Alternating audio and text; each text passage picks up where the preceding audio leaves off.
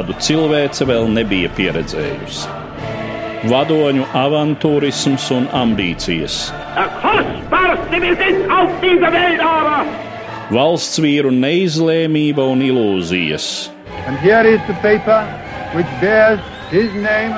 arvien jaunas valstis ievilktas kara virpulī. United States of America was suddenly and deliberately attacked. Nežēlīgi malti cilvēku un tautu likteņi. Lai dzīvo darba tautas draugs un ģeniālais vadonis biedrs Stalins! Otrais pasaules karš sarunās ar Eduardu Liniņu raidījumu ciklā Satumsums. Labdien, cienījamie klausītāji! Mēs turpinām sarunas par Otrā pasaules kara norisēm, un mūsu šodienas temats ir tā dēvētās kurzemes lielkaujas. Mans sarunbiedrs studijā Valdis Kusmins, kara muzeja pētnieks. Labdien! Labdien! Runājot par šīm kaujas operācijām kurzemes frontē, kas sākas 1944. gada oktobrī un līdz marta beigām, aprīļa sākumam notiek populārs priekšstats, ir, ka sarkanās armijas vadība nu, mēģina izmisīgi šo fronti pārraut, panākumi ir pieticīgi, upuri lieli un vispār ir jautājums, kāpēc tas tiek darīts. Bet droši vien tas ir tāds diezgan vienkāršots skatījums. Jā, tas ir vienkāršots skatījums un, manuprāt, arī nedaudz neprecīzs skatījums. Lai mēs varētu šo vienkāršoto skatījumu nedaudz pāranalizēt un mēģināt, nu, vismaz uzdot jautājumus, kas tad bija īstenībā, tad mums jāsāk nedaudz atpakaļ, kāpēc vispār kurzem izveidojās, Tas ir jautājums numur viens, un jautājums numur divi, kas varbūt ir pats svarīgāks, kāpēc kurzeme palika līdz pat otrā pasaules kara beigām aktīva kara fronte, lai gan pilnīgi skaidrs, ka kurzemē otrā pasaules kara liktenis neizšķīrās. Tas bija otršķirīgs kaujas darbības sektors, ja varbūt pilnīgi iespējams arī treššķirīgs.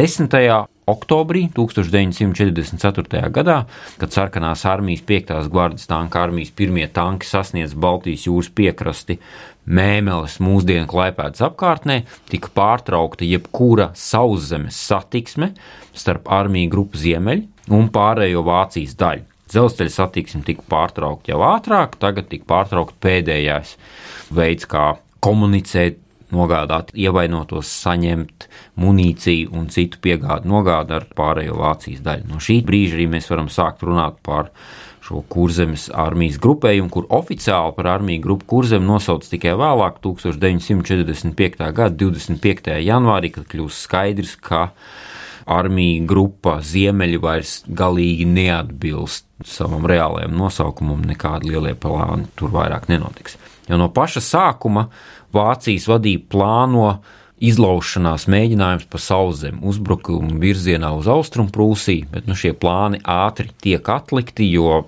problēmas bija visās frontēs un nekādi spēki uzbrukuma īstenošanai vairs nebija. Un tad seko otrais jautājums, kāpēc vispār Ādolfs Hitlers, Vācijas bruņoto spēku virspavēlnieks, piekrita kurzem atstāt tādu, kā ir. Un šeit ir trīs, četras versijas. Viena no tām ir, ka Hitleram bija nepieciešama Baltijas jūra, kur varētu Vācijas kara flote īstenot savu pārbruņošanās programmu, apmācīt jaunos 21. tipa zemūdeņa apkalpes, līdz ar to kurzem bija nepieciešama kā šāds aizsarga postenis, kas nepieļautu sarkanās kara flotes ielaušanos Baltijas jūrā, Dancigas līcī, kur arī galvenā apmācība šeit notika.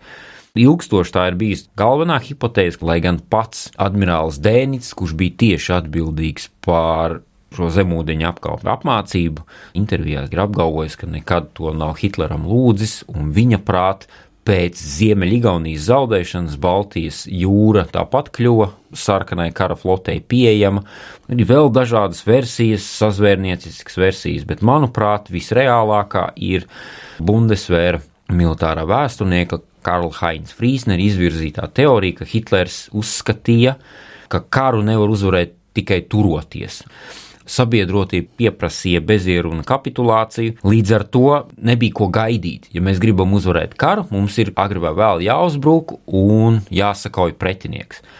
Un lielās strateģiskais plāns bija sekojošs no sākuma uzbrukt rietumos kauja Ardēnos, piespiest rietumu sabiedrotos parakstīt kaut kādu nebūtu pamieru vai mieru, un pēc tam 1945. gada pavasarī, kad laika apstākļi Austrumē Eiropā pēc sniega nokušanas ir labvēlīgi lielām uzbrukuma operācijām, sākt uzbrukumu pret sarkano armiju ar līdzīgu mērķi panākt vai nu pamieru vai miera sarunas vai vismaz mainīt sabiedroto nostāju bezieru un kapitulācijas jautājumā. Līdz ar to Vērmachta austrumu frontes spējīgākās armijas vienības, kas atradās armiju grupā Ziemeļi, tika saglabātas Latvijas teritorijā, kurzemē, ar tādu mērķi sagaidīt labākus laikus, kad viņas varēs izmantot uzbrukumam dienvidu austrumu virzienā. Un pēc tam būtu uzbrukums savukārt no austrumprūsijas ziemeļa austrumu virzienā. Tas, protams, nebūtu Barbarosas mēroga uzbrukums, un pat ne Kurskas kaujas citadeles mēroga uzbrukums, bet tā vismaz būtu aktīva darbība. Un tas izskaidro, kādēļ, piemēram, armija grupā Kurzeme 1945. gada pavasarī bija vairāk kaujaspējīgu tanku un triecienu lielgabalu un citu bruņmašīnu nekā, piemēram, visā rietumu frontē kopā ņemot. Nu, tur var sameklēt mēnesi, kad pēc lieliem zaudējumiem visā rietumu frontē bija mazāk tanku nekā armija grupā Kurzem. Šis lielais plāns tiek atmests 25. janvārī, kad kļūst skaidrs, ka nekāda liela uzbrukuma nebūs, frontes līnija tuvojās Berlīnei, un ja arī būs pretuzbrukumu, tad tie noteikti vairs nebūs no kurzemes, jo Austrumprūsija jau ir zaudēta. Pēc tam, sākot no janvāra beigām, ir skaidrs, ka kurzeme kaut kādā veidā ir jāevakuē. Jautājums bija tikai cik ātri, ko mēs evakuējam, vai nu evakuējam visus tankus, ja neevakuējam nevienu tanku. Tie jau bija tādi taktiski jautājumi, kas bija jārisina armija grupai kurzem. Tas ir tāds globālais skatījums no vācu puses, līdz ar to arī tās augtās sešas lielkaujas, un praktiski septītā lielkauja jau sākās, bet nepaspēja ieiet savā asiņainajā fāzē, jo septītās lielkaujas sākums varētu būt 7. maija, kad sākās Vācu vienība atkāpšanās kurzemē. Karš beidzās vēl pirms šī septītā lielkauja sākās, lai gan gatavošanās no abām pusēm notika ļoti, ļoti intensīvi. Nu, un skatījums no padomju puses? No padomju puses skatījums ir principiāli savādāks, jo padomju puse nekad nelietoja šo terminu liekaujas. No padomju puses mums ir jāsadala divi principiāli atšķirīgi posmi, sākot no 10. oktobra līdz apmēram 25. novembrim 44. gada. Sarkanās armijas plāni bija nepārprotami iznīcināt armiju grupu Ziemeļi kurzemē. Ir nopublicēts atsevišķas pavēles, ir atsevišķi plāni par to, kādā veidā armija grupa Ziemeļi ir iznīcināma.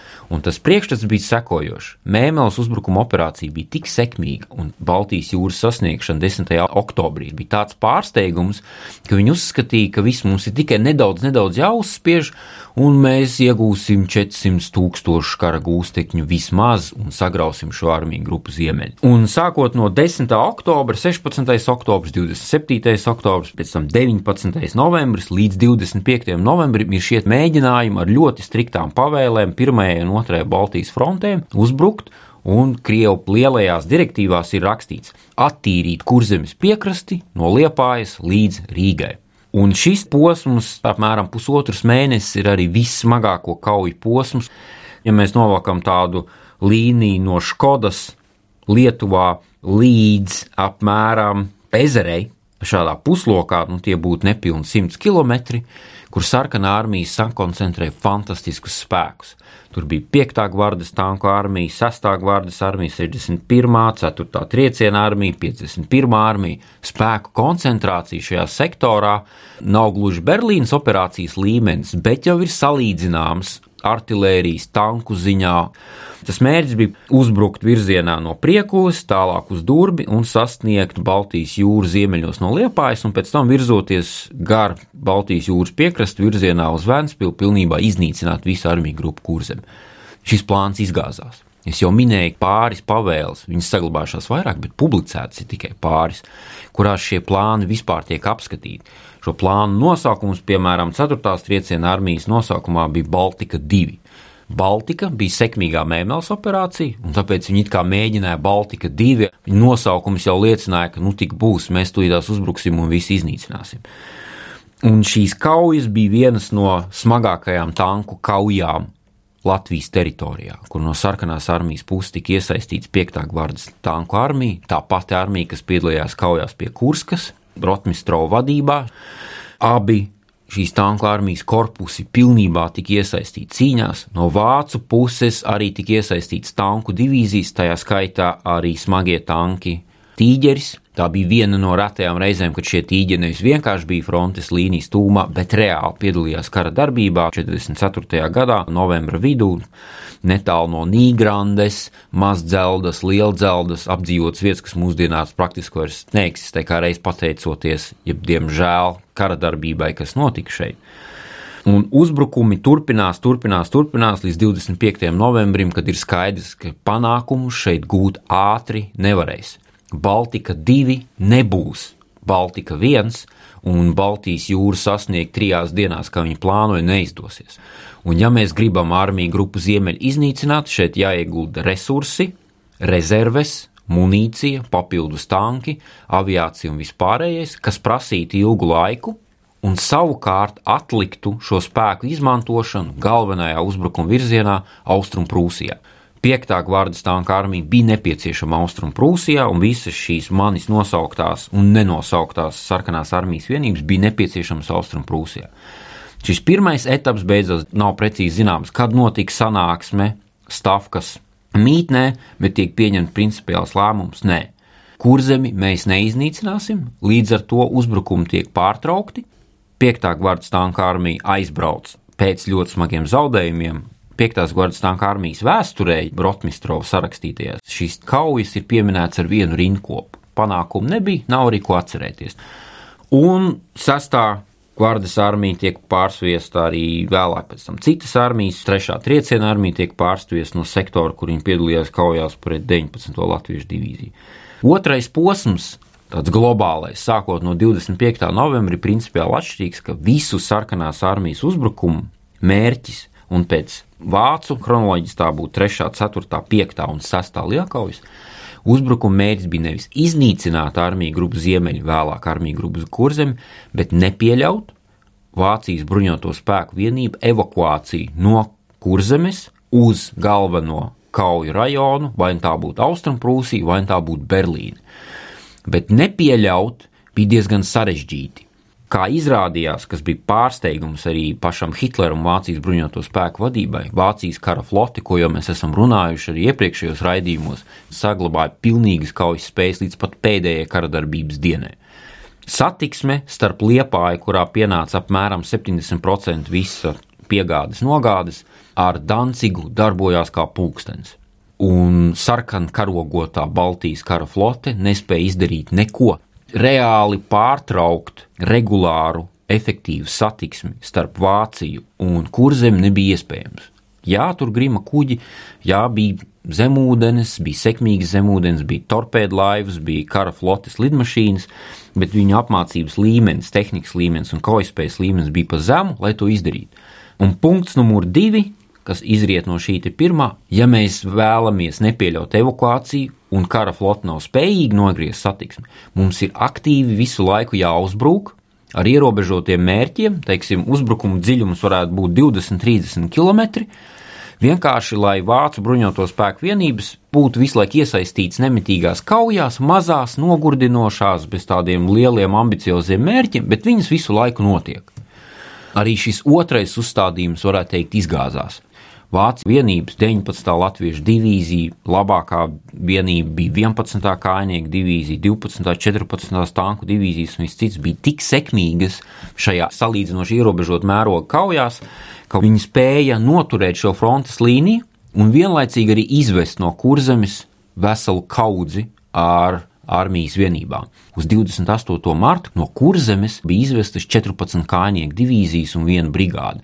No turienes bija izvestas divas korpusa pārvaldes, aviācija bija samazināta par divām trešdaļām. Izvesto divīziju kaujas spēja, ja mēs ņemam vērā viņu pieredzi un šo saglabāto kodolu, kas lielā daļā bija kopš 41. gada, bija ekvivalenta noteikti 9. armijai, kas aizsargāja Berlīnu piemēram, 93. divīzija nonāca pie Kenigsbergas, kur palīdzēja atbrīvot Kenigsbergu no ielēkuma, 32. divīzija 30. janvārī nonāca Austrum Prūsijā, kur faktiski izglāba 15. latviešu divīziju no iznīcināšanas ielēkumā Jastrovā.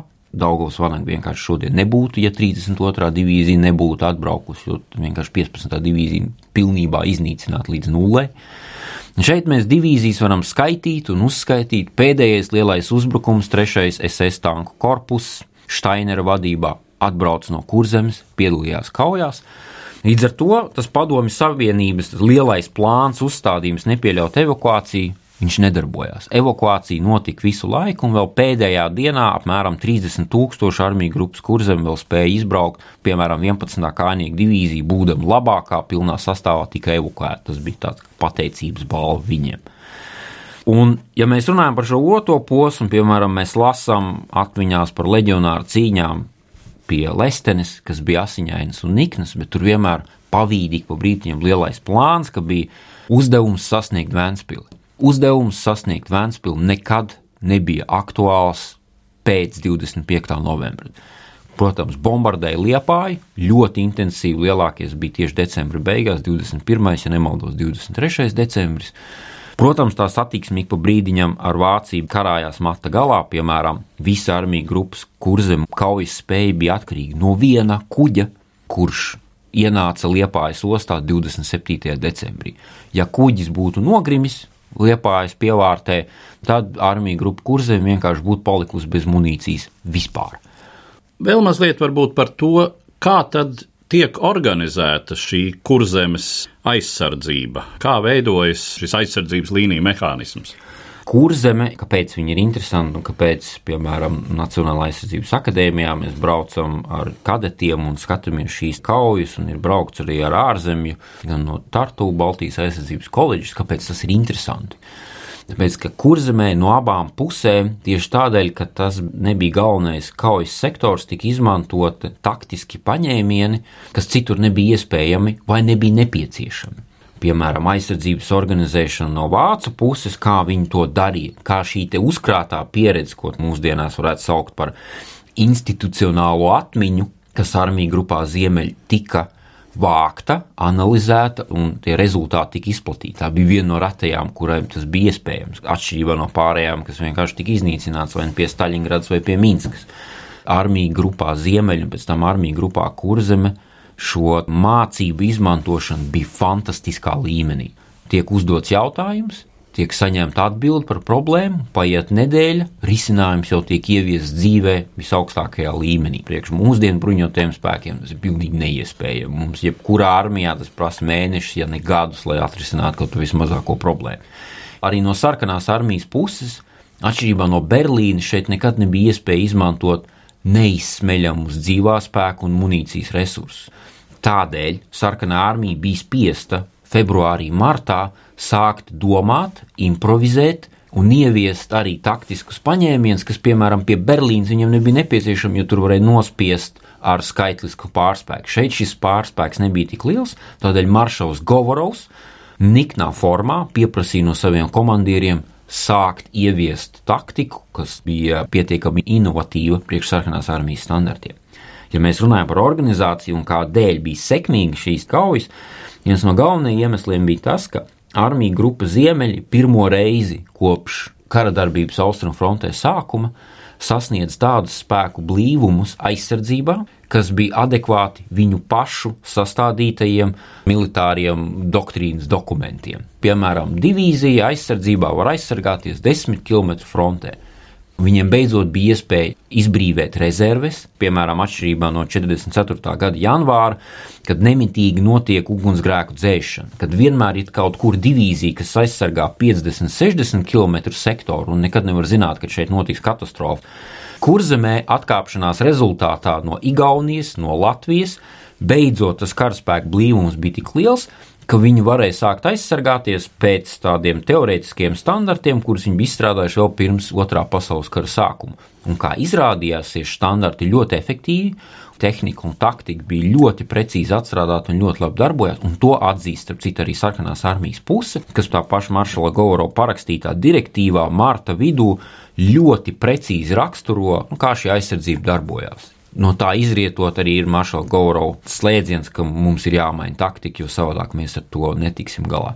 Kurzem ir unikāla tajā ziņā, ka visu kauju laikā ir tāds paradoks, ka karaspēka vienībai abās pusēs tiek dots uzdevums, uzdevums tiek veikts, tad viņiem saka, malači, jūs bijāt ļoti sekmīgi, bet tagad jūs izdarāt to pašu, tikai mēs jums atņemsim vēl trīs divīzijas. Ir vēl viena liela kauja, uzdevums tiek izpildīts, bet tagad mēs jums atņemsim tanku divīziju, vēl divas kājnieku divīzijas un praktiski visu aviāciju.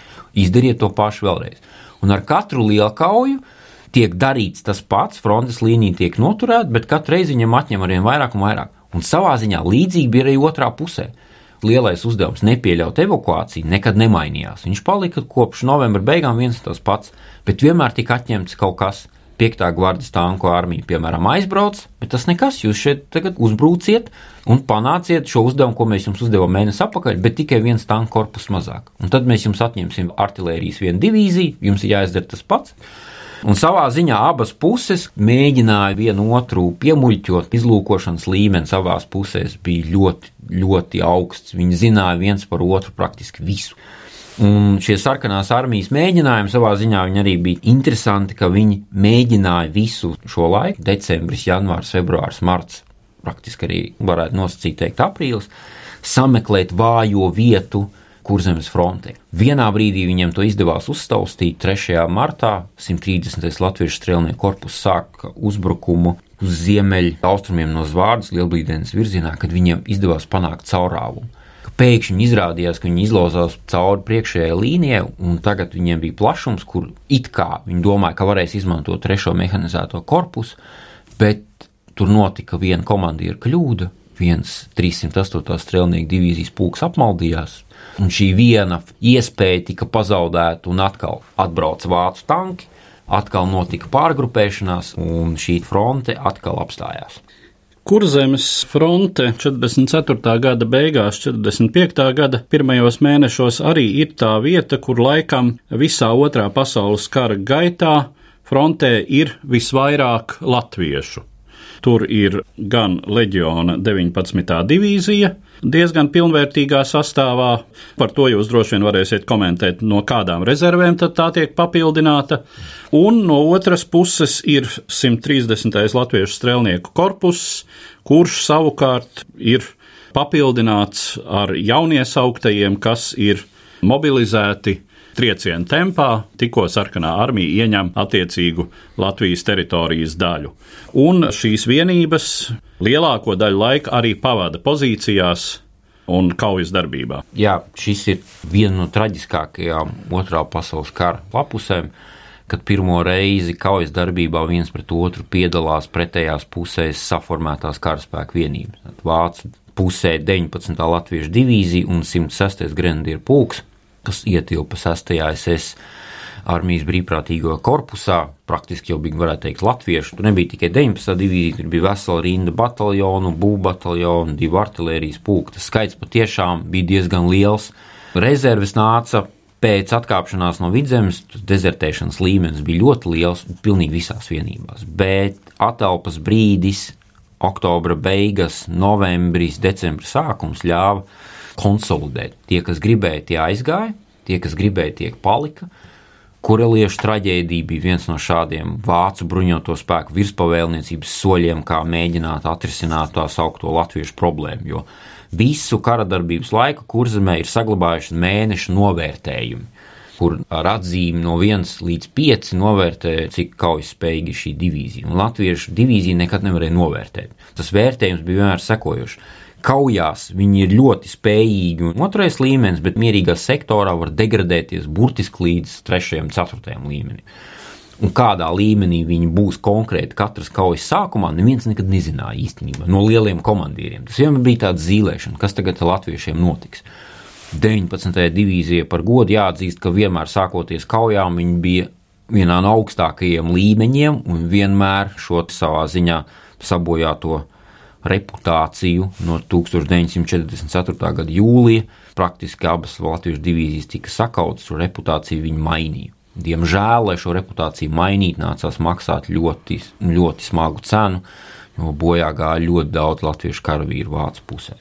No sarkanās armijas puses tas 130. Latvijas strēlnieku korpus, kā jūs minējāt, papildināts ar tikko mobilizētiem, bet es vēl gribētu arī pieminēt, ka 130. korpus tas tāds vispār zināms. Latvijas iedzīvotājus mobilizēja un sūtīja uz visām sarkanās armijas vienībām. Mobilizācija, ja nemaldos, bija tuvu pie 50 tūkstošiem, sākot no 40. gada vasaras. 130. korpusam nevajag sūtīt uz pārējām vienībām, tām arī plus mīnus pietiek sūta Berlīnas virzienā tā ir taisnība, ka tas bija brīdis, kad frontē atradās vienā mazā sektorā vislielākais karavīru skaits. Un abā pusē šīs divīzijas bija ļoti labā līmenī. 130. korpusu gadījumā tā bija vispilnīgāk saformētā karaspēka vienība vispār kurzemes frontē. Tur resursi netika žēloti, latvieši bija, viņas sūtīja, un šīs divas divīzijas vienmēr bija līdz pilnam štatu sastāvam. Un kaujā viņas iesaistījās nu jau varētu savā ziņā teikt, tradicionāli pa Ziemassvētku laiku, līdzīgi kā Pirmajā pasaules karā. Tā, tā būtu trešā kurzemes lielkauja. Tā bija pirmā kauja no sarkanās armijas puses, kur viņi sāka aktīvi īstenot šo savu lielo mērķi nepieļaut evakuāciju. Bija skaidrs zināms, ka janvārī sāksies uzbrukums Berlīnas virzienā, tātad vajadzēja sākt kaujas, lai viņi pat nedomā kaut ko evakuēt Berlīnas virzienā uzbrukums uz dienvidiem no Saules 21. decembris un 23. decembris ir uzbrukums starp Lesteni un Džūkstu, kur no vienas puses 130. korpus. Gluži precīzi pirmais uzbrukums nebija pret latviešu vienībām. Tas pirmais trieciens trāpīja 24. Luftwaffe kājnieku pulkam, bet pēc tam kauju rezultātā jau jā, tās bija latviešu vienības pret latviešu vienībām, un abas puses jau pirmajās dienās ļoti labi zināja, ar ko viņi cīnās.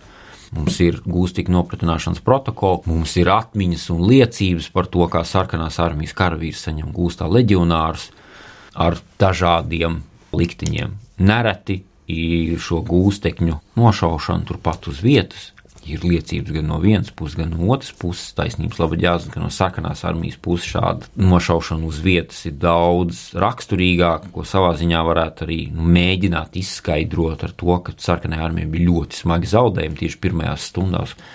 Ziemassvētku kaujas kļūst par tādu savā ziņā simbolu latviešu tautas, latviešu jauniešu, kas bija spiesti piedalīties kaujās no abām pusēm. Tas ir tas jautājums, ar ko es gribētu noslēgt mūsu sarunu.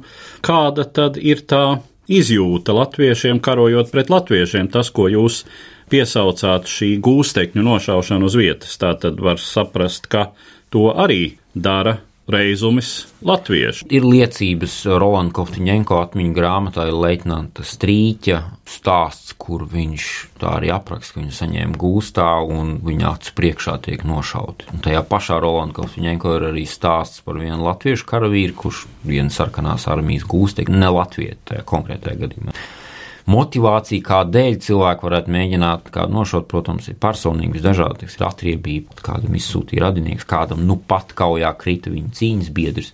Tas tā varētu būt. Grūti ir vērtēt noskaņojumu, jo, diemžēl, atšķirībā piemēram no Amerikas bruņotajiem spēkiem, kur miljonu cilvēku anketu aptaujas tika īstenots, mums šodien šī iespēja zudus. Mēs varam aptuveni noskaidrot ne vairāk kā viena procenta cilvēku viedokli, ko viņi tajā brīdī domāja no visās pusēs iesaistītiem. Piemēram, pāris nedēļas atpakaļ es runāju ar vienu sarkanās armijas karavīru, kura brālis bija Latviešu leģionā. Viņš teica, ka viņam savā ziņā bija bail no tā, ka viņš varētu šaut uz brāli, ka tāda situācija teorētiski varētu izveidoties. Bet no otras puses viņš arī teica, ka brīdī, kad sākās kauja, par to vairs nemaz nedomāju, jo tas ir tāds hauss un šausmas, ka tas ir pēdējais, par ko domā, kas tur otrā pusē ir, kas ar viņu notiek. Bet kas ir ļoti raksturīgi arī kurzemē, noslēdzot, ir vēl viena ļoti unikāla lieta, tā, protams, ir kurzemes kapitulācija un latviešu karavīru nekapitulācija tajā pašā gadījumā. Kurzem ir unikāla to, ka bija izveidojusies mēnešu pauze starp pēdējā nesekmīgā mēģinājuma, aprīļa sākumā viņš beidzās, un reālās kaujas beigām kas ļāva atzīt tādam ikdienišķam ierakumu naidam. Un tad, kad 8. maijā kapitulācija tika pieprasīta un 9. maijā šī reālā kapitulācija sākās, tad karavīri satikās abās pusēs jau daudz mierīgāk. Nu, ja neskaidro to, ka, protams, atņēma visiem pulksteņus un labos zābakus, bet, teiksim, tāda vardarbība ar nošaušanu, salīdzinot, piemēram, ar Berlīnu, Prāgu, kur mums ir saglabājušies kinokronikas materiāli, kā čehu partizāņi nošauja Igaunijas leģionārus, kurzemē šāda masveidīga parādība nebija. Mums ir bildes, kur ir redzami vācu 16. armijas korpusa komandieris par pirmās trieciena armijas komandieru pie kartes apspriež abu pušu plānus, ko mēs viens par otru jūs zinājām. Latvijas valsts kino fotodokumentu arhīvā ir Latvijas kinohronikas fragments, kur vispār unikāls moments. 12. tanku divīzijas kapitulācija, kur kapitulējošais komandieris brauc gar ierindu tankā salūtē sarkanās armijas kapitulācijas pieņēmējiem. Viņš nobrauc ar tanku tādā kā viduslaiku stilā, kad ar zirgu nobrauc viens otram pretī. Viņš nodot kapitulāciju, tie pieņem kapitulāciju. Savā ziņā kaut kas pilnīgi neiedomājams, piemēram, Berlīnas kontekstā. Un otrs - 19. divīzijas nekapitulācija kas arī savā ziņā ir tāds unikāla lieta. 19. divīzijas komandieris Trakenbachs nedēļa formālu kapitulācijas pavēli. Viņš teica, es izformēju divīziju, darat katrs kā jūs gribat. Un ļoti daudzi gāja mežā un turpināja nacionālo partizāņu cīņas. Daži līdz pat 50. gadu sākumam, kas savā ziņā ir arī liecība tam, kāda bija daļas latviešu karavīru attieksme pret šo karu, par ko viņi cīnījās un kāda bija viņa motivācija. Par to, kas tad tālāk notiek kurzemē, mēs droši vien vēl runāsim kādā citā sarunā, bet par šo sarunu, kas bija veltīta tā dēvētajām kurzemes lielkaujām, es saku paldies manam sarunbiedram, kara muzeja pētniekam Valdim Kusminam. Paldies! Raidījumā šīs dienas acīm cikls Satumsums - sarunas par Otro pasaules karu.